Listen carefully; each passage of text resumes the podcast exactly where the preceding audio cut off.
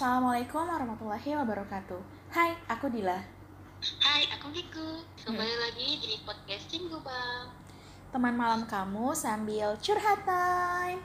Yeay. Oke, Aduh, oke ya. Gimana jadinya? eh, sekarang sebenarnya ini episode kedua. Sebenarnya sih kita pengen bawain yang berbau K-pop ya kak. Mm-mm, betul banget nih. Cuma, Cuma- uh-uh. Eh, karena kebanyakan dari sebenarnya sih teman-teman dekat kita juga ya, eh, mereka uh, request horor aja deh horor aja kebetulan juga mereka juga ngirimin banyak cerita sih ke kita jadi karena ceritanya banyak ya kita mulai lagi dengan cerita horor Actually, jadi mau langsung aja nih. Jadi ceritanya bakal panjang banget sih, tapi keren sih. Sumpah salut banget. iya heeh. ini sampai kita bagi dua ceritanya Karena saking panjangnya. Kalau bisa dikasih lihat juga sebenarnya kita mau kasih lihat ya bukti-bukti ada fotonya juga nih. iya tempat-tempatnya kan lebih tepatnya sama ada denah tempatnya gitu Mm-mm, jadi lebih bisa membayangkan gimana sih tempatnya tuh Iya. Oh, jadi langsung aja kali ya. oke heeh, boleh Ini kak dari nama IG-nya silahkan Dila. IG-nya itu Paramitharzka. Paramitharzka. Agak ribet ya. Iya. Ah, jadi si kakak ini ngirim teman kita juga dari satu grup chat. Kebetulan dia tuh ada pengalaman gitu. Langsung aja kali ya. Mm-mm. Langsung boleh. Jadi kemarin itu aku ikut program itu di Korea selama dua bulan. Programnya mengundang, mengundang government officer dari ASEAN dan India. Perwakilan dari Indonesia itu ada tiga orang cewek semuanya, termasuk aku. Tapi kami bertiga dari instansi yang berbeda. Sebenarnya secara keseluruhan program itu tuh agendanya banyak banget. Tapi satu yang utama itu adalah selama di sana kita dikasih belajar bahasa dan budaya Korea di kampus. Boleh disebutin kan nih kampusnya? eh skip aja kali ya, Kak. Ya, pokoknya universitas yang Ternama lah ya. terkenal. Heeh, paling terkenal di sana deh. Jadi kami semua itu pesertanya ada 29 orang. Dikasih dong di kampus daerah Silimdong. Kalau di Korea itu kan penyebutan gedung dimulai dari ground, lantai 1, 2, 3, dan seterusnya. Nah, di dormnya dia itu di lantai ground itu isinya parkiran dan pembuangan sampah gitu. Kamarnya dimulai dari lantai 1. Masing-masing lantai itu ada 16 kamar lah. Di tengahnya ada lift, jadi utara di utara tuh 8 kamar, di selatan 8 kamar ya. Jadi ada pada depan gitu. Mm-mm. Hmm, aku kamarnya di lantai 2, bertiga dari yang Indonesia di lantai 3 semua tuh berjejer. Sebenarnya ada ini sih ya, ada denahnya sih kalau bisa dilihatin sih. Seru juga ini. Mm-mm. Mungkin nanti rencananya kan emang kita juga pengen upload di YouTube ya. Mungkin kalau Mm-mm. emang kalian nanti eh, abis dengerin ini dan pengen ngelihat denahnya gimana, mungkin tapi nyusul kali ya kita editing dulu. Oh Heeh. ini juga kita juga udah banyak banget nih numpuk cerita yang eh, mau dibacain. Jadi langsung aja lanjut lagi ya. Oke. Hmm, Aku jelasin sedikit ya, soalnya ceritanya bakal ada di semua kamar. Kamar pertama itu di 208, kamarnya anak India. 209, kamarnya temenku Indonesia, sebut aja Mbak Wati. 210, kamarku. 211, kamar temenku Indonesia, sebut aja Kiki. Kamar 212, kamar mahasiswa lain. 213, kamar anak Filipin. 214, kamar anak Kamboja. Dan 215, kamar anak dari Myanmar. Mm-mm. Awal masuk asrama, aku kan menerapkan protokol kepercayaanku. Jadi aku bersih-bersih, nyapu, ngepel, jendela aku bukain, aku sholat, aku ngaji, dan lain-lain. Karena aku mikir ini kan negara orang ya. Kemungkinan besar kamar itu nggak pernah disolatin. Jadi aku semacam bersih-bersih kamar dulu biar dua bulan ke depan enak dan nyaman. Jadi bentuk kamarnya itu saat masuk tuh kiri langsung dapur, ada mesin cuci gitu, kanannya toilet, terus ada pintu geser masuk ke dalam kamar. Saat aku mandi atau lagi dapur, di dalam kamar tidurnya biasanya aku puterin murotal. Nah, seminggu pertama lewat dan alhamdulillah aman-aman aja.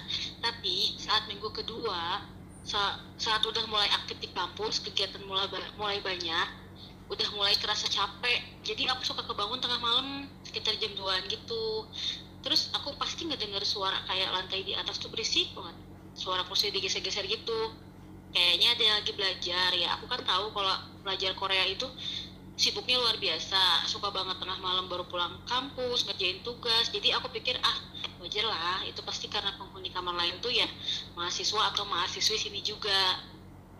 Nah sampai aku sadar kalau di setiap kamar itu settingannya sama. Meja belajarnya tuh diinstal permanen jadi nggak bisa digeser-geser gitu loh. Dan kursinya tuh beroda. Jadi kalau digeser-geser nggak bakal menimbulkan suara terus di satu malam seperti biasa aku kebangun lagi tuh di jam 2an karena capek banget aku langsung merem lagi. Cuman lewat beberapa detik tuh tiba-tiba kerasa banget di ujung kasur aku tuh kayak ada yang narik. Jadi kasurku tuh kerasa turun dan kakiku kerasa ada yang naik gitu.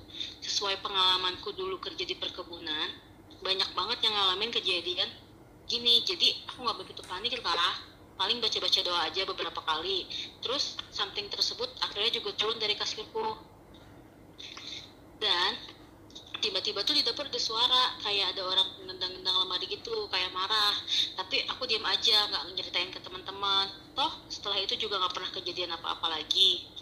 Tapi kan kita suka ngobrol sama teman-teman yang lain. Temenku yang kapten polisi dari Filipina ini kamarnya kebetulan di lantai 5 dia bilang selama sampai di Korea dia tuh nggak bisa tidur. Nggak tahu kenapa tiap malam tuh kayak mimpi buruk terus. Berbarengan sama temanku yang dari Myanmar yang di kamar 215 dia bilang juga dia mimpi buruk terus. Kayak ada yang membunuh dia.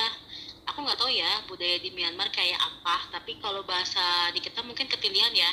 Hmm. sleep paralysis ya namanya ya? Ah, ah, ah, ah. yang ketindihan. Jadi tapi kasihan juga sih kalau misalnya kayak gitu sampai hampir mal hampir tiap malam iyalah kan intinya Hmm. mereka tuh buat belajar tapi nggak bisa tidur dan keganggu gitu ya pasti jadi ke mana-mana lah. Iya apalagi kamarnya kan sendirian nggak dengan ruangan yang gede banget gak sih segede gitu? Iya karena parah sih. iya sih. Soalnya kan nggak langsung kamar biasanya kan kalau kayak asrama gitu kan masuk pintu ya langsung kamar gitu kan atau kamar mandi kayak ini kan enggak kanan kiri dulu baru pas jadi kayak kamarnya tuh ada di belakang gitu kan bentuknya Mm-mm. gak kebayang sih itu seluas apa ya? Iya. Nah lanjut. Beberapa hari kemudian nih si kamar yang 215 yang dari Myanmar ini tuh pagi-pagi masak bikin sarapan. Tiba-tiba tuh pisaunya tuh meleset ngenain tangannya. Sampai lukanya tuh gede banget. Sampai dia dijahit 8 jahitan gitu. Kasihan banget deh. Pokoknya sepanjang dua bulan itu tangannya diperban. Hmm, tuh Dila kebayang gak sih itu? Makanya gimana ya udah nggak bisa tidur terus tangannya diperban dua bulan. Niat belajar jadi yang itu bener-bener nggak bakal fokus lagi sih. Tapi ini kayaknya gak masuk akal banget sih kalau dipakai luka ya. Cuman kena pisau doang kayak meleset gitu sampai lukanya tuh sampai dijahit 8 jahitan gitu gak sih? Iya sih, makanya kayak kena luka pisau meleset itu paling ya kegores dikit kan pakein Hansaplast juga jadi. Mm-mm, Ini- biasanya kan gitu ini iya. sampai 8 jahitan loh gila sih Nggak ngerti Parah. lagi tuh. Mm. dan lanjut lagi ya Oke. nah kamar temanku kan di 209 itu Mbak Wati. Itu tuh mulai aneh noh. Tiap malam tuh dia sibuk banget. Kita tidur di kamarku atau di kamarnya Kiki. Masalahnya dia nelponin kita tuh setiap pasti setiap jam 12 sampai jam setengah jam setengah eh, jam 11 atau jam 12 malam lah gitu. Kadang kita udah tidur dia nelpon nelponin bilang nggak bisa tidur pengen numpang tidur di kamar kita. Akhirnya seminggu- semingguan tuh Mbak Wati tuh nginep di kamar kita gantian-gantian gitulah. Hmm, nah tiba-tiba temen yang dari kamar 104 tuh yang dari Kamboja tuh sakit. Katanya sih dia awalnya sakit perut. Tapi kayaknya sa- sakit perut itu parah banget deh gitu. Sampai nggak bisa gerak bolak-balik ke rumah sakit. CT scan nggak ada apa-apa nggak ada usus buntu. Tapi dia tuh kayak bolak-balik ke rumah sakit gitu loh sampai nggak bisa gerak gitu. Berobat di dekat kampus nggak sembuh dibawa ke rumah sakit yang lebih besar juga nggak ada gejala klinis. Yang intinya sih kayaknya eh, gimana ya? Nggak nggak ada apa-apa ya. Heeh, Secara fisik tuh nggak ada eh, eh, sehat, cuma ya dia ngerasa sakit aja gitu kan. Terus juga dia bilang dia nggak pernah makan aneh-aneh loh gitu. Dia dia selalu makan bareng teman-teman yang yang lain. Jadi apa yang dia makan sama dengan yang kita makan. Gak mungkin kan Hmm. logikanya dia sakit sendiri kayak Iya, gitu sampai iya. segitunya. Mm-mm. nah kamarnya juga bermasalah sih dia bilang masa dia lagi mandi pintu kamar mandinya kekunci dari luar kan aneh banget kan kamar mandinya di dalam kamar di dobrak dobrak lama tiba-tiba baru kebuka sendiri. Untuk kamarnya juga pernah nggak bisa dibuka dari luar itu sampai dibongkar mesin kuncinya sama tukang gitu manggil tukang malam-malam. Mm-mm. katanya sih baterai mesinnya aja yang rusak itu passwordnya juga mati jadi tinggal baterai ganti baterai aja gitu. Nah habis baterainya diganti kamar 214 ini hampir semingguan sakit kan? Dia minta pulang aja deh ke Kamboja gitu nggak enak juga sama pihak penyelenggara niat di situ mau belajar kan jadinya malah ngurusin dia yang sakit kan bolak iya balik gitu. bolak-balik. Mm, kasihan banget gitu. Seminggu pertama kita kasihan banget lah pokoknya sama dia katanya. Seminggu pertama weekend di sana ada angin topan kita nggak bisa ke mana-mana. Seminggu berikutnya dia sakit. Seminggu berikutnya lagi dia minta pulang. Jadi selama di Korea dia belum pernah keluar jalan-jalan sama sekali. Kasihan sih parah. Iya. Yang niatnya buat belajar terus juga buat mungkin ya kayak belajar eh, apa sekalian jalan-jalan cuma masalah ini masalah itu yang tambah parah juga malah dianya yang sakit bener. Nah akhirnya kita bertiga dari Indonesia tuh inisiatif kasih barang-barang yang kita udah beli ke dia ke kamarnya dong kita. Tapi cuman tapi dia cuman ngebukain pintu dan malah ngajak ngobrol di depan pintu. Kondisinya lagi sakit tapi dia nggak mau ngajakin kita ke dalam katanya. Tapi saat itu kita kan nggak curiga apa-apa. Mm-mm.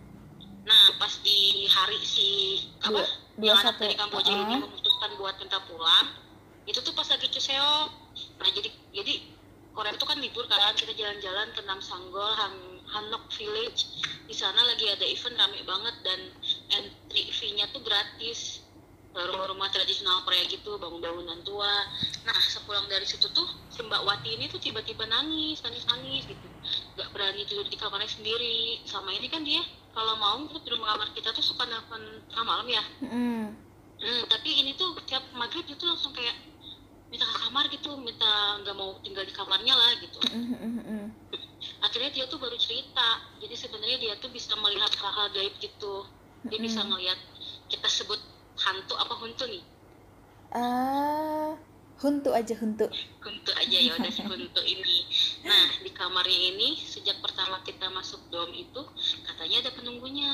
Hmm. dia udah ngelaku, eh, dia udah ngelakuin sama yang dengan aku lakuin pengusiran lah gitu di hari pertama itu nah tapi nggak mempan jadi si sosoknya itu tetap cewek Ah, ah.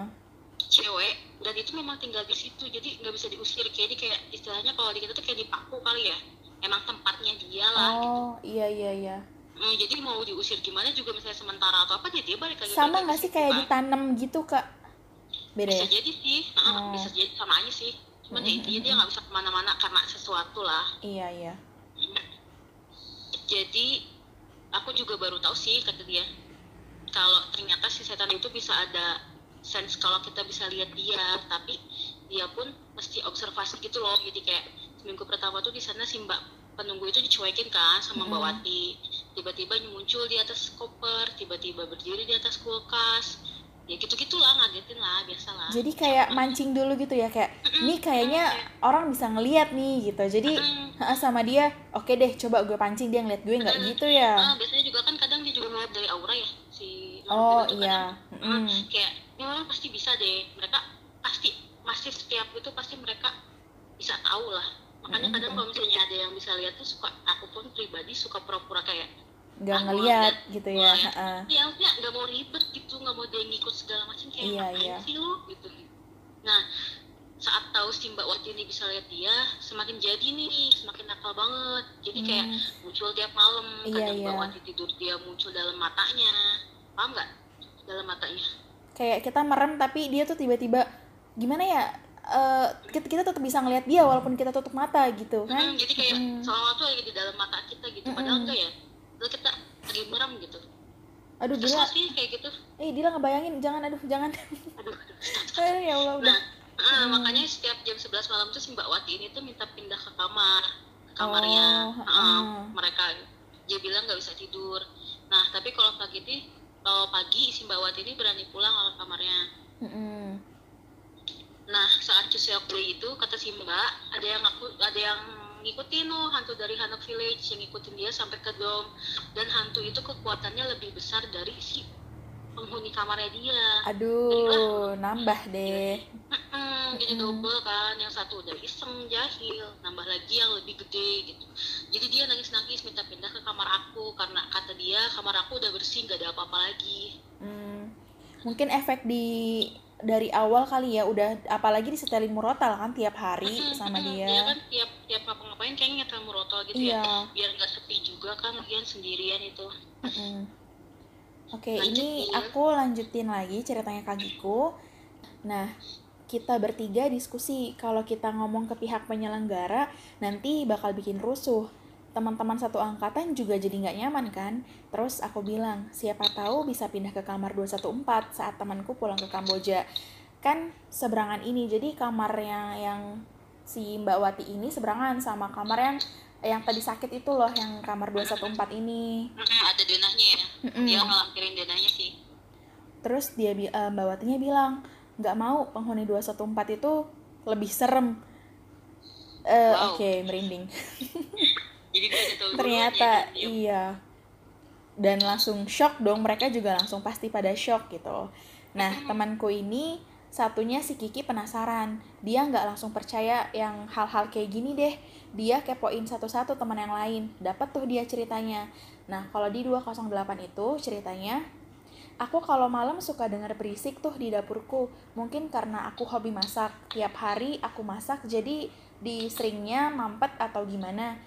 Jadinya berisik. Aku berusaha untuk buang eh, air masakan itu dengan bersih. Yang polisi dari Filipina tetap nggak bisa tidur. Dia cuma tidur 2 jam menjelang subuh. Yang di kamar 215, dia masih nggak bisa tidur, ditambah luka di tangannya. Dia bilang sejak kamar 214 pulang, si kamar kan kosong. Jadi dia tuh tiap malam masih sering denger berisik di kamar itu dan kayak ada yang lagi aktivitas gitu di dalamnya. Padahal kan kamarnya kosong. iya udah ditinggalin pulang Mm-mm. Dan dari teman-teman yang lain juga di dari kamar lain, lantai lain, ceritanya juga nggak jauh beda. Jadi masing-masing lantai itu sama aja ceritanya. Jadi Iya. kayak mereka semua tuh hampir satu dorm ya digangguin gitu. dan satu gedung itulah kayaknya Iya. Nah, akhirnya sejak hari itu kita mindahin sendiri kasurnya Mbak Wati ke kamarku. Jadi setelah jalan tuh kita dua bulan di sana, pas akhir program dari pihak penyelenggara mengevaluasi kita satu-satu. Semua ditanya, termasuk dorm. Menurutku karena ini udah di penghujung acara, jadi ya udah aku kasih tahu aja.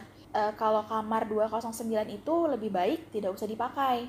Eh, gara-gara aku cerita ini, si kamar 214 yang udah di Kamboja taunya denger kan cerita deh dia terkait kamarnya karena dia Buddha dan di Kamboja banyak budaya-budaya Cina jadi dia nyangkut-nyangkutin deh kepercayaannya gitu.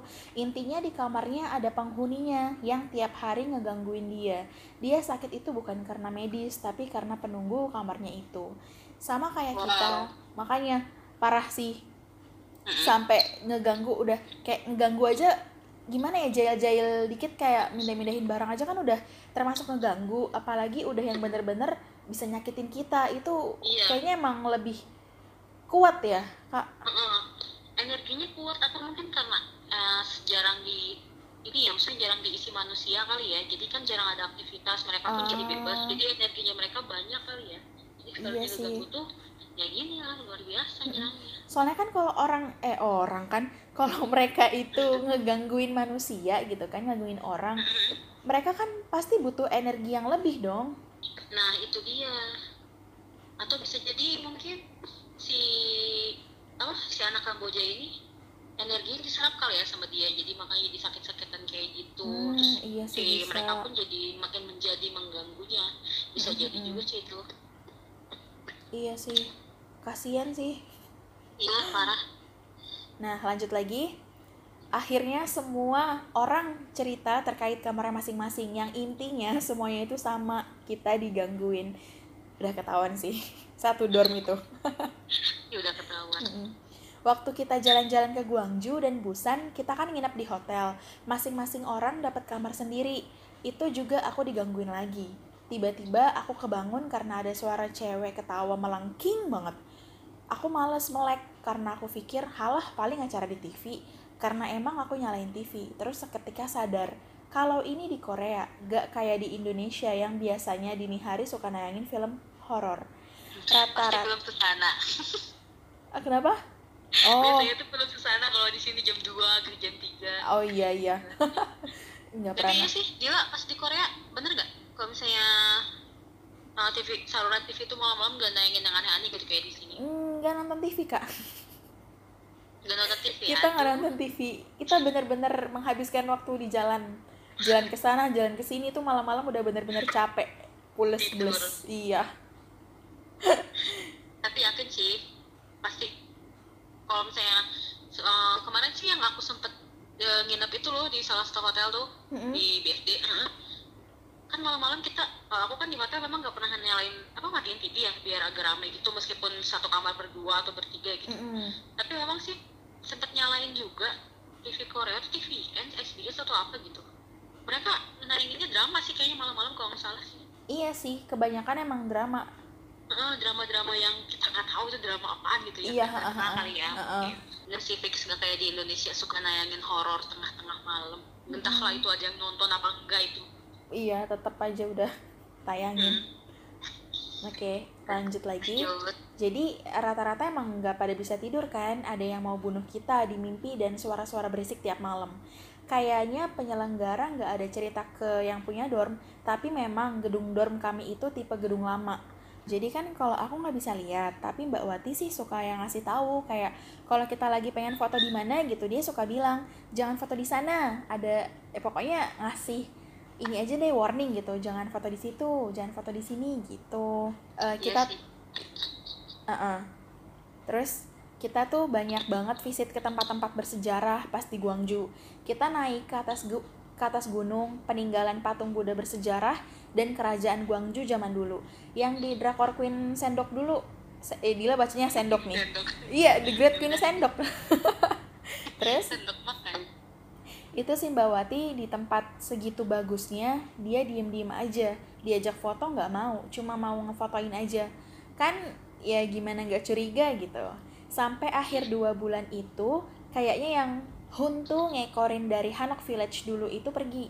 Nggak tahu tepatnya kapan perginya tapi si Mbak eh, Huntunya masih ada di kamar 209 aku aja kalau masuk 209 itu rasa-rasanya merinding yang tadi kan yang nggak bisa pergi itu ya yang kayak udah dipaku di situ ya memang penunggu situlah Mm-mm. Terus juga nih kita dapat juga nih ternyata uh, kesaksian dari si anak yang dari Kamboja itu Mm-mm. uh, soal kenapa dia bisa begitu. Ini kan versi bahasa Inggrisnya. Silahkan bila terjemahkan. jadi ini langsung aja ya ke intinya Mm-mm. jadi pas ketika si anak Kamboja ini masuk ke dalam kamar dia tuh udah ngerasa nggak enak. Eh, hawanya kayak dingin dan apa sih lembab ya? Dingin dan lembab gitu. Dan Dingin pas eh, dingin dan lembab. Pas dia masuk ke kamar itu dia juga ngeliat di dapurnya tuh di at- di atas meja dapurnya kayak eh, ada box dan dia buka ternyata ada semacam mangkok yang pecah nggak ngerti juga deh itu kenapa. Mhm. terus keganjilan juga eh, kulkasnya dia kulkas di kamarnya dia itu tuh bocor. Udah gitu udah diganti lagi nih dengan kulkas yang baru tapi tetap aja itu kulkas masih bocor. Nah dia menyangkut pautkan seperti tadi ya yang dari Chinese gitu. Kalau misalkan menurut kepercayaan di Chinese kalau misalkan eh, suatu kamar atau ruangan itu hawanya dingin dan kayak lembab itu pasti udah pasti ada penunggunya gitu. Dia bilang gitu. Dan juga ketika apa sih kesehatannya dia menurun ya ketika dia udah bermasalah. uh, bermasalah tiba-tiba juga si kunci dari pintunya ini rusak gitu nggak bisa. Jadi dia nggak bisa masuk ke dalam ruangan yang tadi. Dia nggak bisa Oh, iya, masuk tadi dia uh, nggak bisa iya nggak bisa dia nggak bisa gitu ya. masuk ke ruangannya ke kamarnya ini nah akhirnya kan langsung dibenerin kan pada saat malam itu juga sama si uh, tukangnya ini Nah, tapi si tukangnya bilang katanya uh, baterainya habis kan ya, jadi passwordnya diganti lah semuanya. Iya, langsung diganti semua. Nah, pada saat itu juga dia bahkan berdarah tangannya. Padahal cuma megang bantal Kuku apa tangan sih itu? Tem Toe, at toe, the toe. time the nail of my toe apa sih jempol kakinya Kaki, gitu jempol kaki. Heeh, jempol kakinya dia jadi kayak cuma nyentuh bantal tapi langsung berdarah kayak hello itu bantal itu bantal Oh, buat bantal. Empuk dari iya Dakron gitu, yang bantal-bantal hotel gitu yang kayak apa? iya apa Ah, sih gitu, isinya banget. langsung bisa berdarah kakinya dia masuk akal sih dari situ juga kayak udah nggak beres banget. Mm-mm. dan juga pas ketika dia mandi itu kunci apa eh, pintu kamar mandinya tuh nggak bisa dibuka dari luar eh dari dalam jadi kayak ada yang ngunci dari luar kan hello dia di kamar sendirian Hmm, tiba-tiba ada yang Aduh. kunci, mau minta tolong bukain ke siapa gitu, mau teriak-teriak Iya. sampai suara lo habis juga kayaknya nggak bakal kebuka tuh pintu. terus eh, dan dia nyangkut pautin juga nih nomor kamarnya dia kan 214 di mana nomor 14 itu menurut eh, Cina Kantonis ya Cina Kantonis itu artinya adalah mati Harus mati gitu. Iya, harus mati, have to die. Jadi itu ngeri sih. Tapi dia dari awal sebenarnya nggak lihat kan ya sosoknya itu seperti Eh, iya. apa gitu. Dia bilang juga dia nggak lihat, tapi dia merasakan bahwa ada sesuatu di kamarnya itu. Nggak beres soalnya dari awal masuk juga. Iya. Tapi emang yang lebih nggak masuk akal jempol sih. Itu ibu jari nyentuh. Kena bantal. bantal dan berdarah. Ini loh logikanya gitu. Kita kayak ke pentok aja misalnya kayak ke pentok ujung pintu atau ujung lemari kayaknya nggak sampai berdarah ya. Paling ngilu doang ke sebadan Iya, biru Ya, lah, langsung, biru paling nggak. ya, ya udah langsung "Uh, sakit banget gitu. Tapi ini nggak nggak bakal sampai berdarah gitu. Maksudnya, Iya. parah sih ini. Makanya. Dan ini tuh ada iya sih ada foto-fotonya. Hmm. sayang banget sih. Sama ini sih dia eh, katanya yang si anak Kamboja itu bilang Mm-mm. eh, kenapa mungkin dia nggak ngelihat si sosok itu? Mungkin karena dia tuh bawa dua patung Buddha sama dia. Oh oh iya. Heeh, heeh. iya iya Dila lupa di sini. dia simpen di meja belajar dia sama satu lagi tuh di sebelah Sam- tempat tidur ya? Iya sebelah tempat tidurnya dia. Mm-mm. Nah, sama kalau misalnya setiap malam tuh dia tuh kayak jadi berdoa eh, gitu berdoa lah. dulu sebelum tidur. Pasti itu selalu Hmm, pasti itu sih wajib sih biar nggak diganggu katanya sama Mm-mm. mereka. Sebenarnya dia dari awal tuh udah feelingnya tuh udah nggak enak lah ya. Iya. Kayak gitu banyak kejadian-kejadian di luar nalar yang jempol berdarah itulah yang sampai mangkok itu nggak ngerti sih. Iya sama. Nggak ngerti maksudnya apa. Maksudnya sama apa? kekunci juga sih. Kekunci Karena kamar mandi gitu. Terus tiba-tiba pas udah dia teriak segala macam ya gitu kebuka gitu aja kayaknya. Iya. Wow. sampai ah, ah, sampai dia katanya sakit kayaknya udahlah gue pulang aja deh katanya kayak ini Eh, dia nggak mau hal-hal buruk tuh ngikutin dia terus-terusan gitu loh. Iya heeh. saya emang dari awal sih kalau misalnya mau dibilang sial sih ya sial sih. Karena dapat kamarnya yang itu sih Mm-mm. Iya. Tapi sebenarnya semua kamar mungkin sama, cuma kata balik lagi ya ke kata Mbak Wati yang di awal dia aja nggak mau ke kamarnya si anak Kamboja ini karena dia bilang lebih serem. Mm-mm, benar. Tapi aku bingung deh tadi si anak Kamboja itu kan pasti datengin dia nggak mau ah, teman-temannya masuk ya. Iya, heeh, heeh, heeh. Nah, nggak tahu nih aku bingung dia alasannya kenapa. Iya sih nggak diceritain soalnya. Hmm, gak diceritain. Penasaran sih sebenarnya kenapa gitu Iya, dia masuk. sama Apa mungkin dia nggak mau kali yang lain ikutan. kayak dia? Ah, Iya bisa jadi. Atau mungkin lagi berantakan kali ya atau gimana? nggak tahu deh makanya penasaran sih. Banget sih. Mungkin ada cerita lanjutannya mungkin nanti. ya mungkin kita kan stoknya masih banyak ya orang-orang Iya. pada excited banget nih pas kita pas tahu kita bikin kayak gini Iya, senang banget deh. Kalian juga yang mau dengar yang dengerin dan mau berpartisipasi langsung aja kirimin email ke kita. Pasti bakal kita bacain kok. ya pasti kalau misalnya memang nggak mau berupa cerita bisa juga VN apa-apa. Mm-mm, Kalian langsung cerita langsung. Mm-mm, biar lebih dapet, dapet feel-nya gitu Iya. tapi ini yang di ini ya yang di Guangzhou. Sebenarnya pemandangannya bagus. Bagus Tapi tapi tapi kakak ngeliat sesuatu juga di situ. ya nggak mungkin nggak lihat sih sebenarnya mereka apa.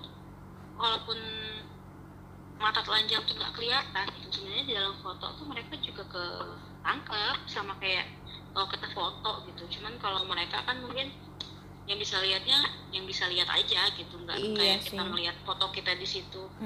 Tapi memang aku lihat sih hawa-hawanya ini tuh nih dari tadi aku mikirin sih hawa-hawanya mirip di mana gitu. Ini tuh hawanya tenang sih diliatin. Mirip kayak waktu aku ke Jogja kemarin tuh pas ke Borobudur.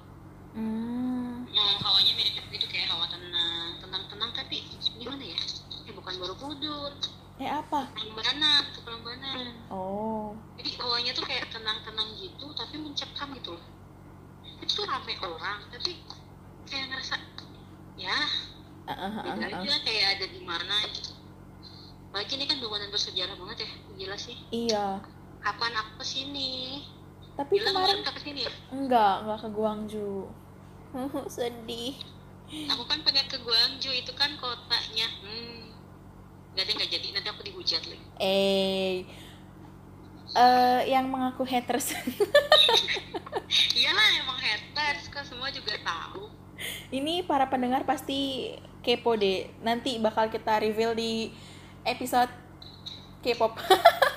Spesial Iya, K-pop. oh iya dia heeh. Apa? jadi tadi kan aku kan sebelum sebelum dapat cerita ini tuh kan sempet share di grup ya Mm-mm. Grup yang membicarakan konser gitu Mm-mm. Hmm, mereka tuh salah tangkep. Disangkanya tuh kita tuh kayak cuman cerita-cerita horor yang pengalaman di Korea atau yang berhubungan dengan Korea. Oh. Kayaknya harus kita lurusin nih. Iya, iya. Jadi, Jadi, ha, Heeh. barengan tuh. barengan Jadi, konsep kita tuh, lah Dila jelasin. eh, jadi konsep kita memang ada dua yang satunya horor membahas cerita horor dan yang mistis-mistis lah ya. Satunya lagi itu emang tentang K-pop gitu. Jadi kalau kalian mau curhat tentang K-pop pun ya kita terima karena kita juga membahas tentang K-pop gitu berita-berita K-pop. Entah itu mungkin ada yang konser ke sini atau tentang yang masalah kemarin tuh yang masih anget-anget yang pembuliannya si Mina dan Jimin. Ah, nah iya Hmm. tadinya tuh kita sebenarnya mau bahas itu sih ya, cuman karena lebih excited daripada ke horor jadi kita kesampingkan dulu aja. Iya, dan emang sih ini ceritanya epic banget yang di Korea ini. Mm-mm. Yang ngerti deh, itu bisa bener-bener literally satu dorm ya, satu bangunan lah ya kena. Mm-mm, kena semua gitu dari yang yang nggak lihat aja diganggunya kayak gitu gimana lagi si Mbak Wati itu aku nggak kebayang sih kalau aku juga kayaknya ya Gak kuat deh. bakalan jadi jadi inget ini deh dia Apa kak? pengalaman kita waktu kemarin loh yang konser GVXQ itu loh ya Oh, di BSD nah ini dia nih masalahnya. Kalau Dila itu tipe yang nggak peka, kalaupun emang peka juga bodo amat. Dila tuh bodo amatan. Jadi kayak mereka juga males gitu sama Dila. iya cuakin soalnya iya heeh, jadi keinget nih aku pas bacanya juga kayak karena gedung ya jadi tiba-tiba keinget banget tuh eh, tempat kita nginep itu loh yang di apartemen itu. Iya. Hmm, itu apartemen sebenarnya mewah sih ya aku, aku itu. Iya sih emang lumayan. tapi harga sewanya tuh luar biasa sekali. Untuk itu berapa sih dua hari tiga tiga hari dua malam ya? Empat ratus empat ratus kak. Iya itu itu luar biasa. Dan dengan keadaan kamar yang wow. Oh iya oh maksudnya iya ngerti jadi iya sih kamarnya tuh mewah dan gimana ya semuanya tuh ada lengkap lengkap Hmm, banget itu lengkap gitu. banget ala ala Korea gitu kan Mm-mm. tipe apartemen heeh. dan emang wilayah itu sepi cuman aku yang ngakak itu kenapa di tempat se-elit itu ada kambing kambing yang di mana ya depannya itu loh yang di apa Eh, kan ada apa ada rumput-rumput gitu kan oh iya yang di belakang itu ya yang pas kita mau jalan keluar. Iya iya iya. itu ada, ada kambing gitu lagi dimakan ya. Aku sampai saking keponya aku tuh sampai nanya ke satpam atau ke ojek gitu bilang Mm-mm. mas mas kok tuh ada kambing sih? Gitu. Terus dia, dia jawab kan oh ya biasa mbak lumayan katanya daripada bayar tukang rumput. Ya udahlah kasih kambing makan aja. Ngakak banget kasih ya ya Allah. Tapi balik lagi Heeh. pas eh, pertama masuk itu tuh kayak apalagi kita kan dikasih instruksinya tuh masuk bukan dari lobby kan? Iya. Heeh, jadi kayak self apa? Kayak sih? sendiri lah Iya, self ah, check-in sendiri. gitu.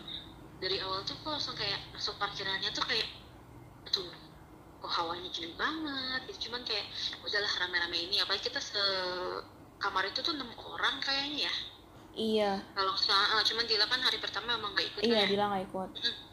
Nah pas masuk itu tuh kayak check in segala macam itu sepi itu parah sepi banget Iya sih, Kak, bener deh. cuman cuman ada uh, si mbak resepsionis sama satpam mereka juga nggak nanya sih nggak mungkin udah tahu juga si apartemen itu disewain kali ya Mm-mm, kayaknya sih nah pas uh, nah sebenarnya siang nggak ada keanehan sih sebenarnya Mm-mm. Nah pas malam nih yang itu eh, pas Dila eh Dila besoknya ya iya Dila besoknya ada ah, pas habis hari H konser ya. Nah yang malam ini aku tuh kan sempet keluar no habis maghrib itu. Tapi nggak ada apa-apa sih nggak ada keanehan. Cuman yang aneh aku nyasar gitu aja sih. Nyasar? Salah salah turun lantai. Jadi kayak eh harusnya aku turun di lantai satu cuman aku masih eh di lantai paling bawah ya di ground. Cuman aku malah di lantai satu. Jadi kayak puter-puter situ bisa keluar.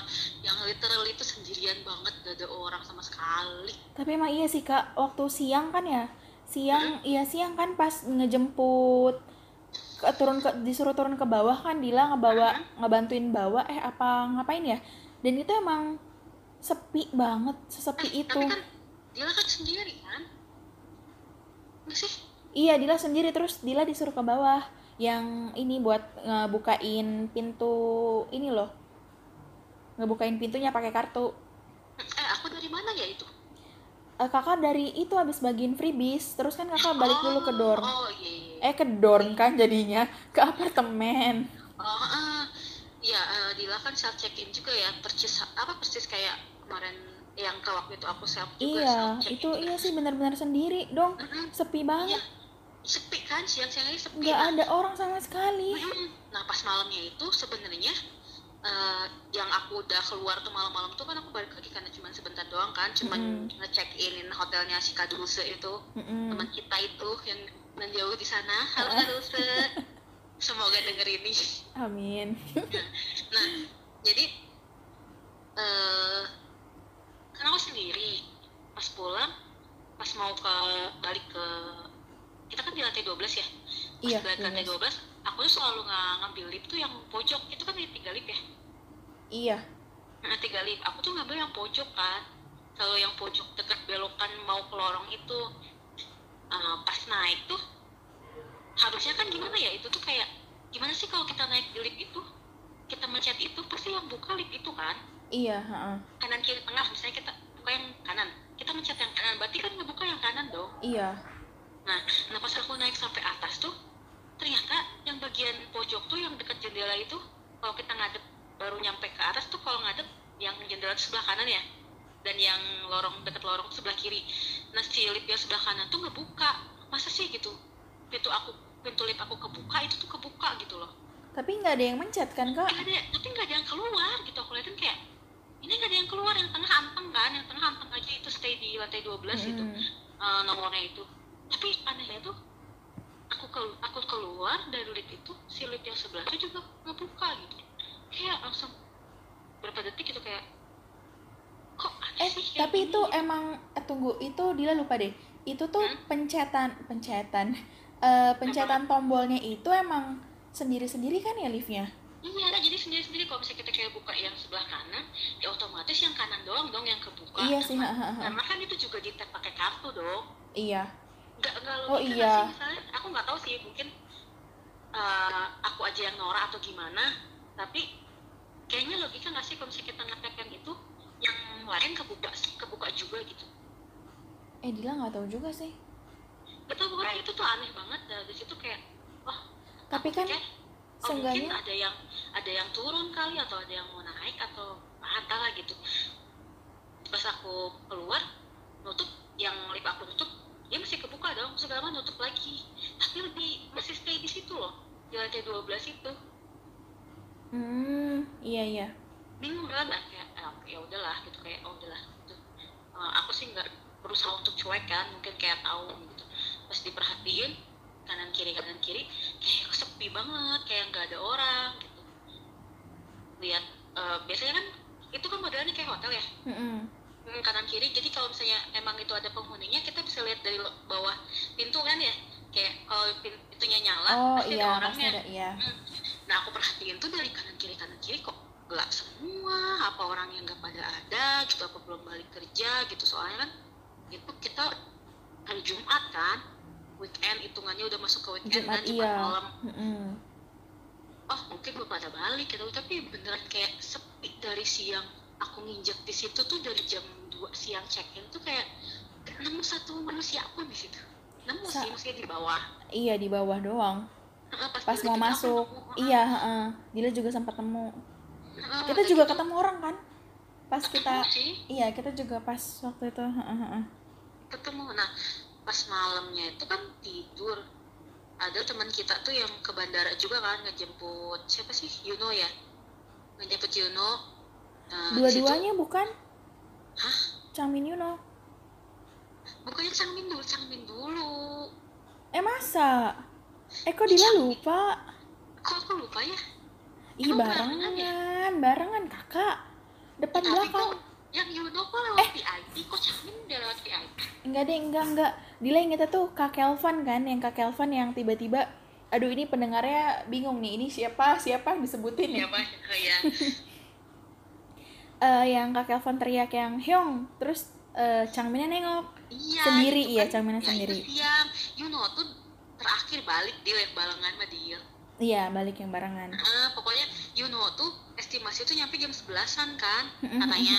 Ah, jam 11 atau jam berapa gitu. Pokoknya nggak tau lah bukan tim bandara aku udah capek ngurus skripsi segala macem.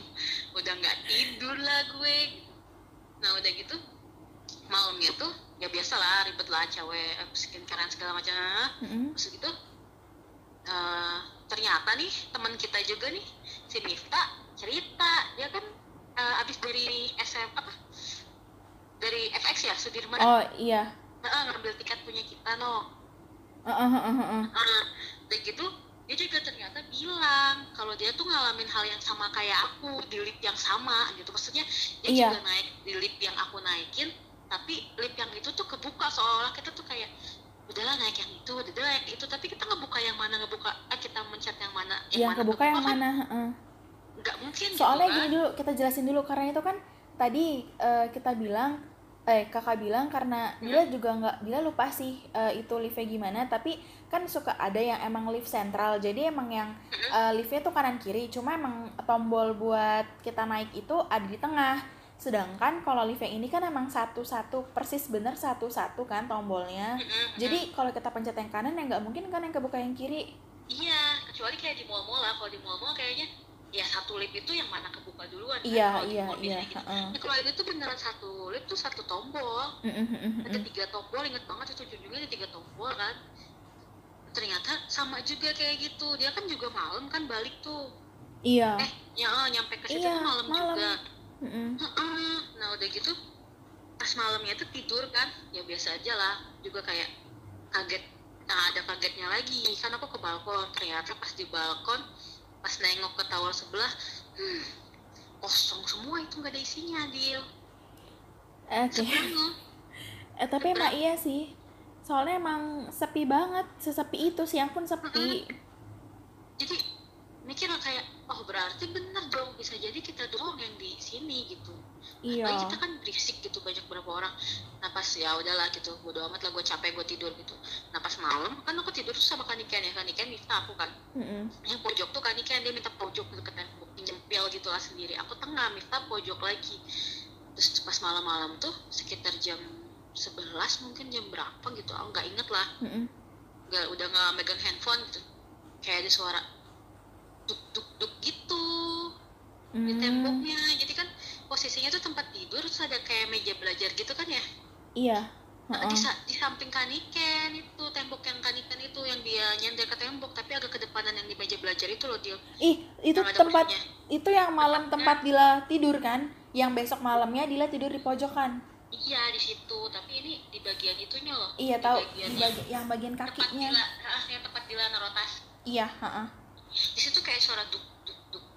Terus kayak aku pikir kaniken kan ngapain sih nih orang? Gitu tidur mukul-mukul tembok pas dilihat lah dia tidur sambil si dekap gitu loh. Iya. Kayaknya kalau nggak salah. Uh, uh, uh, uh. tangannya intinya tangannya dia nggak nggak di mana-mana gitu di, di depan badannya gitu. Mm. terus dia juga kayak nggak dengar kali ya.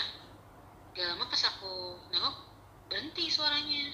Kayak langsung mikir kan segala macam sampai nyangkut pautin yang tadi aku bilang kayaknya cuman kita doang yang ada orang gitu tapi kok suara itu dari mana? Mm, mm, mm, Apa? mm.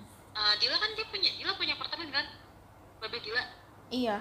Nah, sebenarnya kalau sebelah itu kedengaran gak sih Dila kalau misalnya kita kayak ngomong atau mukul tembok? Gitu harusnya sih eh tapi bisa kedengaran sih kak cuma ya ngapain juga sih orang sebelah mukul-mukul tembok gitu loh. Iya di saat kita udah tidur gitu. Iya makanya duk duk gitu kayak apa sih gitu aku liatin. Nggak mungkin kan? kayak aktivitas misalkan nih emang dia mungkin mau maku dinding atau mau majang sesuatu ya nggak mungkin tengah malam dong kak. Hmm, Mikirnya gitu. tengah malam ah, udah gitu. Nah aku aku sampai mikir apa cicak? Ya kali kayak di apartemen ada cicak gitu. Hmm, cicak juga mana bisa mukul-mukul begitu? Ya makanya mungkin ekor cicak aku pikir gitu tapi ekor cicak kayaknya duk duk duk begitu nggak mungkin kan? Nggak lama gitu udahlah gitu udah berusaha. Gue capek nih pengen tidur gitu. Mm-mm. Bunyi lagi. Duk duk duk lagi. Cuman ini posisinya di atas jadi kayak di atap itu. Kalau aku dengar sih ya. Agak masih di posisi yang sama cuman di atapnya ki- bukan di atap maksudnya pindah posisi doang lah. Agak Iya. jauhan dikit agak atas kayak duk duk kayak eh, udah dalam hati tuh kayak udah lah lu gak usah gangguin. Kalau misalnya memang bener lu bukan itu gak usah gangguin gitu. Gue capek gitu. Gue pengen istirahat gitu. Besok kudu bangun pagi gitu. tapi kakak nggak ngerasa maksudnya nggak nggak nggak ngerasa yang aneh-aneh gitu kayak gimana ya ngeliat gitu deh. Ngelihat sih aku karena di di hari itu kayak cuek gitu nggak mau. Jadi positif positif aja gitu nggak mau Hmm. ngelihat mereka mereka jadi kayak udah lah cuman memang sempat lihat tuh yang di itu loh yang aku bilang di tower sebelah seberang itu nggak tahu di menara apa tuh yang isinya keramik semua tuh lantainya. Kalau kita kan lantainya kayu ya?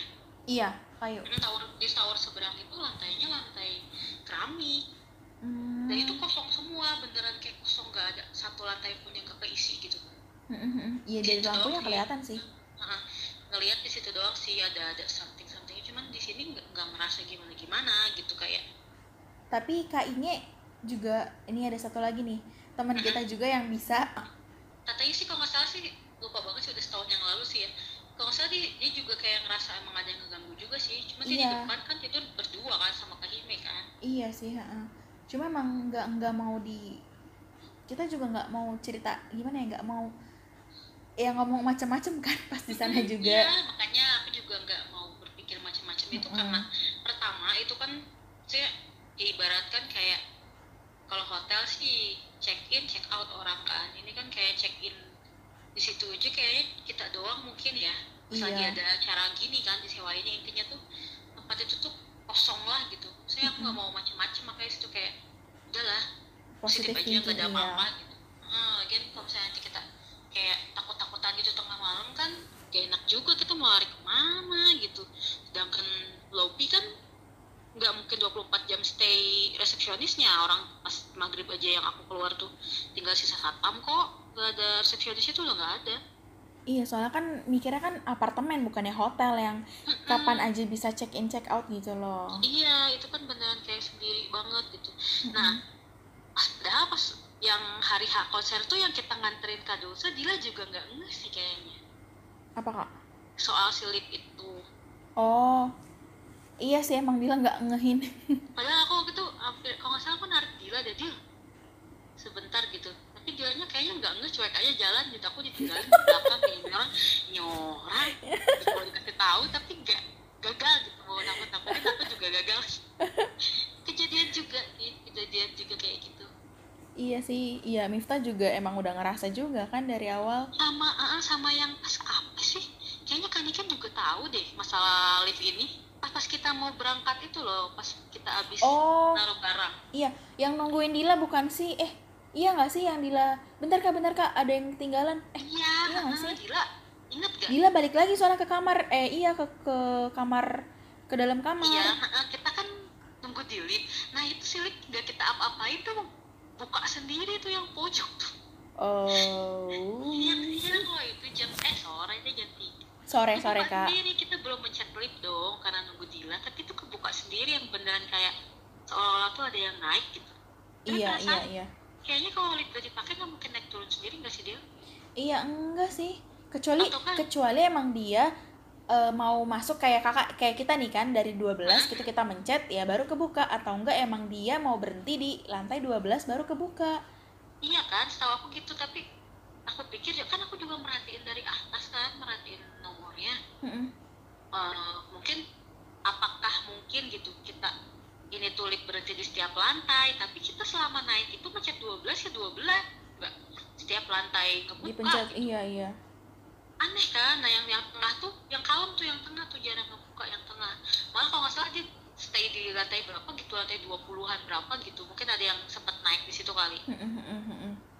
Cuman yang pojok ini yang deket jendela itu aku heran tapi emang ini enggak sih? Eh enggak deh kita naiknya enggak yang sebelah situ kan ya enggak kita Enggak, selalu enggak, yang di enggak. belokan Iya, soalnya kan aku bilang jangan naik ke situ jangan naik yang itu kan. Aku sempat bilang ke siapa ya mungkin nggak ada yang nyadar kayak kayak, jangan jangan di situ jangan situ yang situ di sini Mm-mm. aja. Atau nggak yang di tengah kan. Iya iya.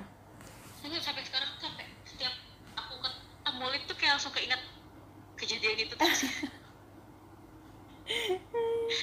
ah ya aku jadi curhat deh. Nggak apa-apa. Nambah eh, menambah ke hororan malam ini ya. Ya, jadi ini episode ini satu cerita aja nih. Aku mau lanjut lagi yang satu. Udah dulu kali ya kak. Udah panjang banget ini kayaknya deh. Wow kasihan yang editnya guys. Tapi ini horor juga merinding sih merinding. Cuma kayak dari kita dari tadi tuh kita ketawa mulu. Mm, nggak iya nggak terlalu gimana gimana mungkin kalau misalnya didengerin sama kita ceritanya malam jumat beneran kayak kemarin oh nggak jadi Mm-mm.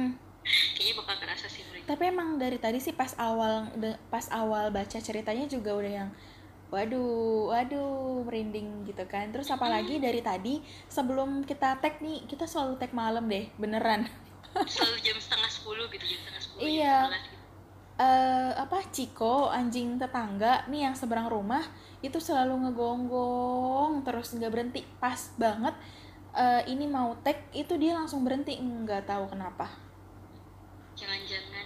Eh udah. Kan nggak ngegonggong. Bagus dong. Iya sih. Oh iya sih bener. Tapi itu tuh anjingnya cuman satu kan? Satu kak satu. Tapi kayaknya ribet banget. Tetanggaku depan rumahku anjingnya tiga itu kalem loh dia. Ini satu kemarin ngebar malam jumat nggak nggak malam iya untungnya sih enggak malam jumat enggak. Kalem banget. Kita mau closing aja nih. Oke kita closing aja. Oke guys udah cukup sampai di sini dulu untuk cerita malam ini. Semoga bisa terhibur juga. Mm, maaf ya kalau misalnya pembawaan kita masih alur-alur atau gimana Ah, maklum ah, lah ya. iya. karena masih kita kan baru mm, Mm-mm, masih baru pertama juga ya iseng-iseng buat karena pengen nge-share juga kan ceritanya dan juga pengen belajar ngomong sih sebenarnya kita. Iya bener.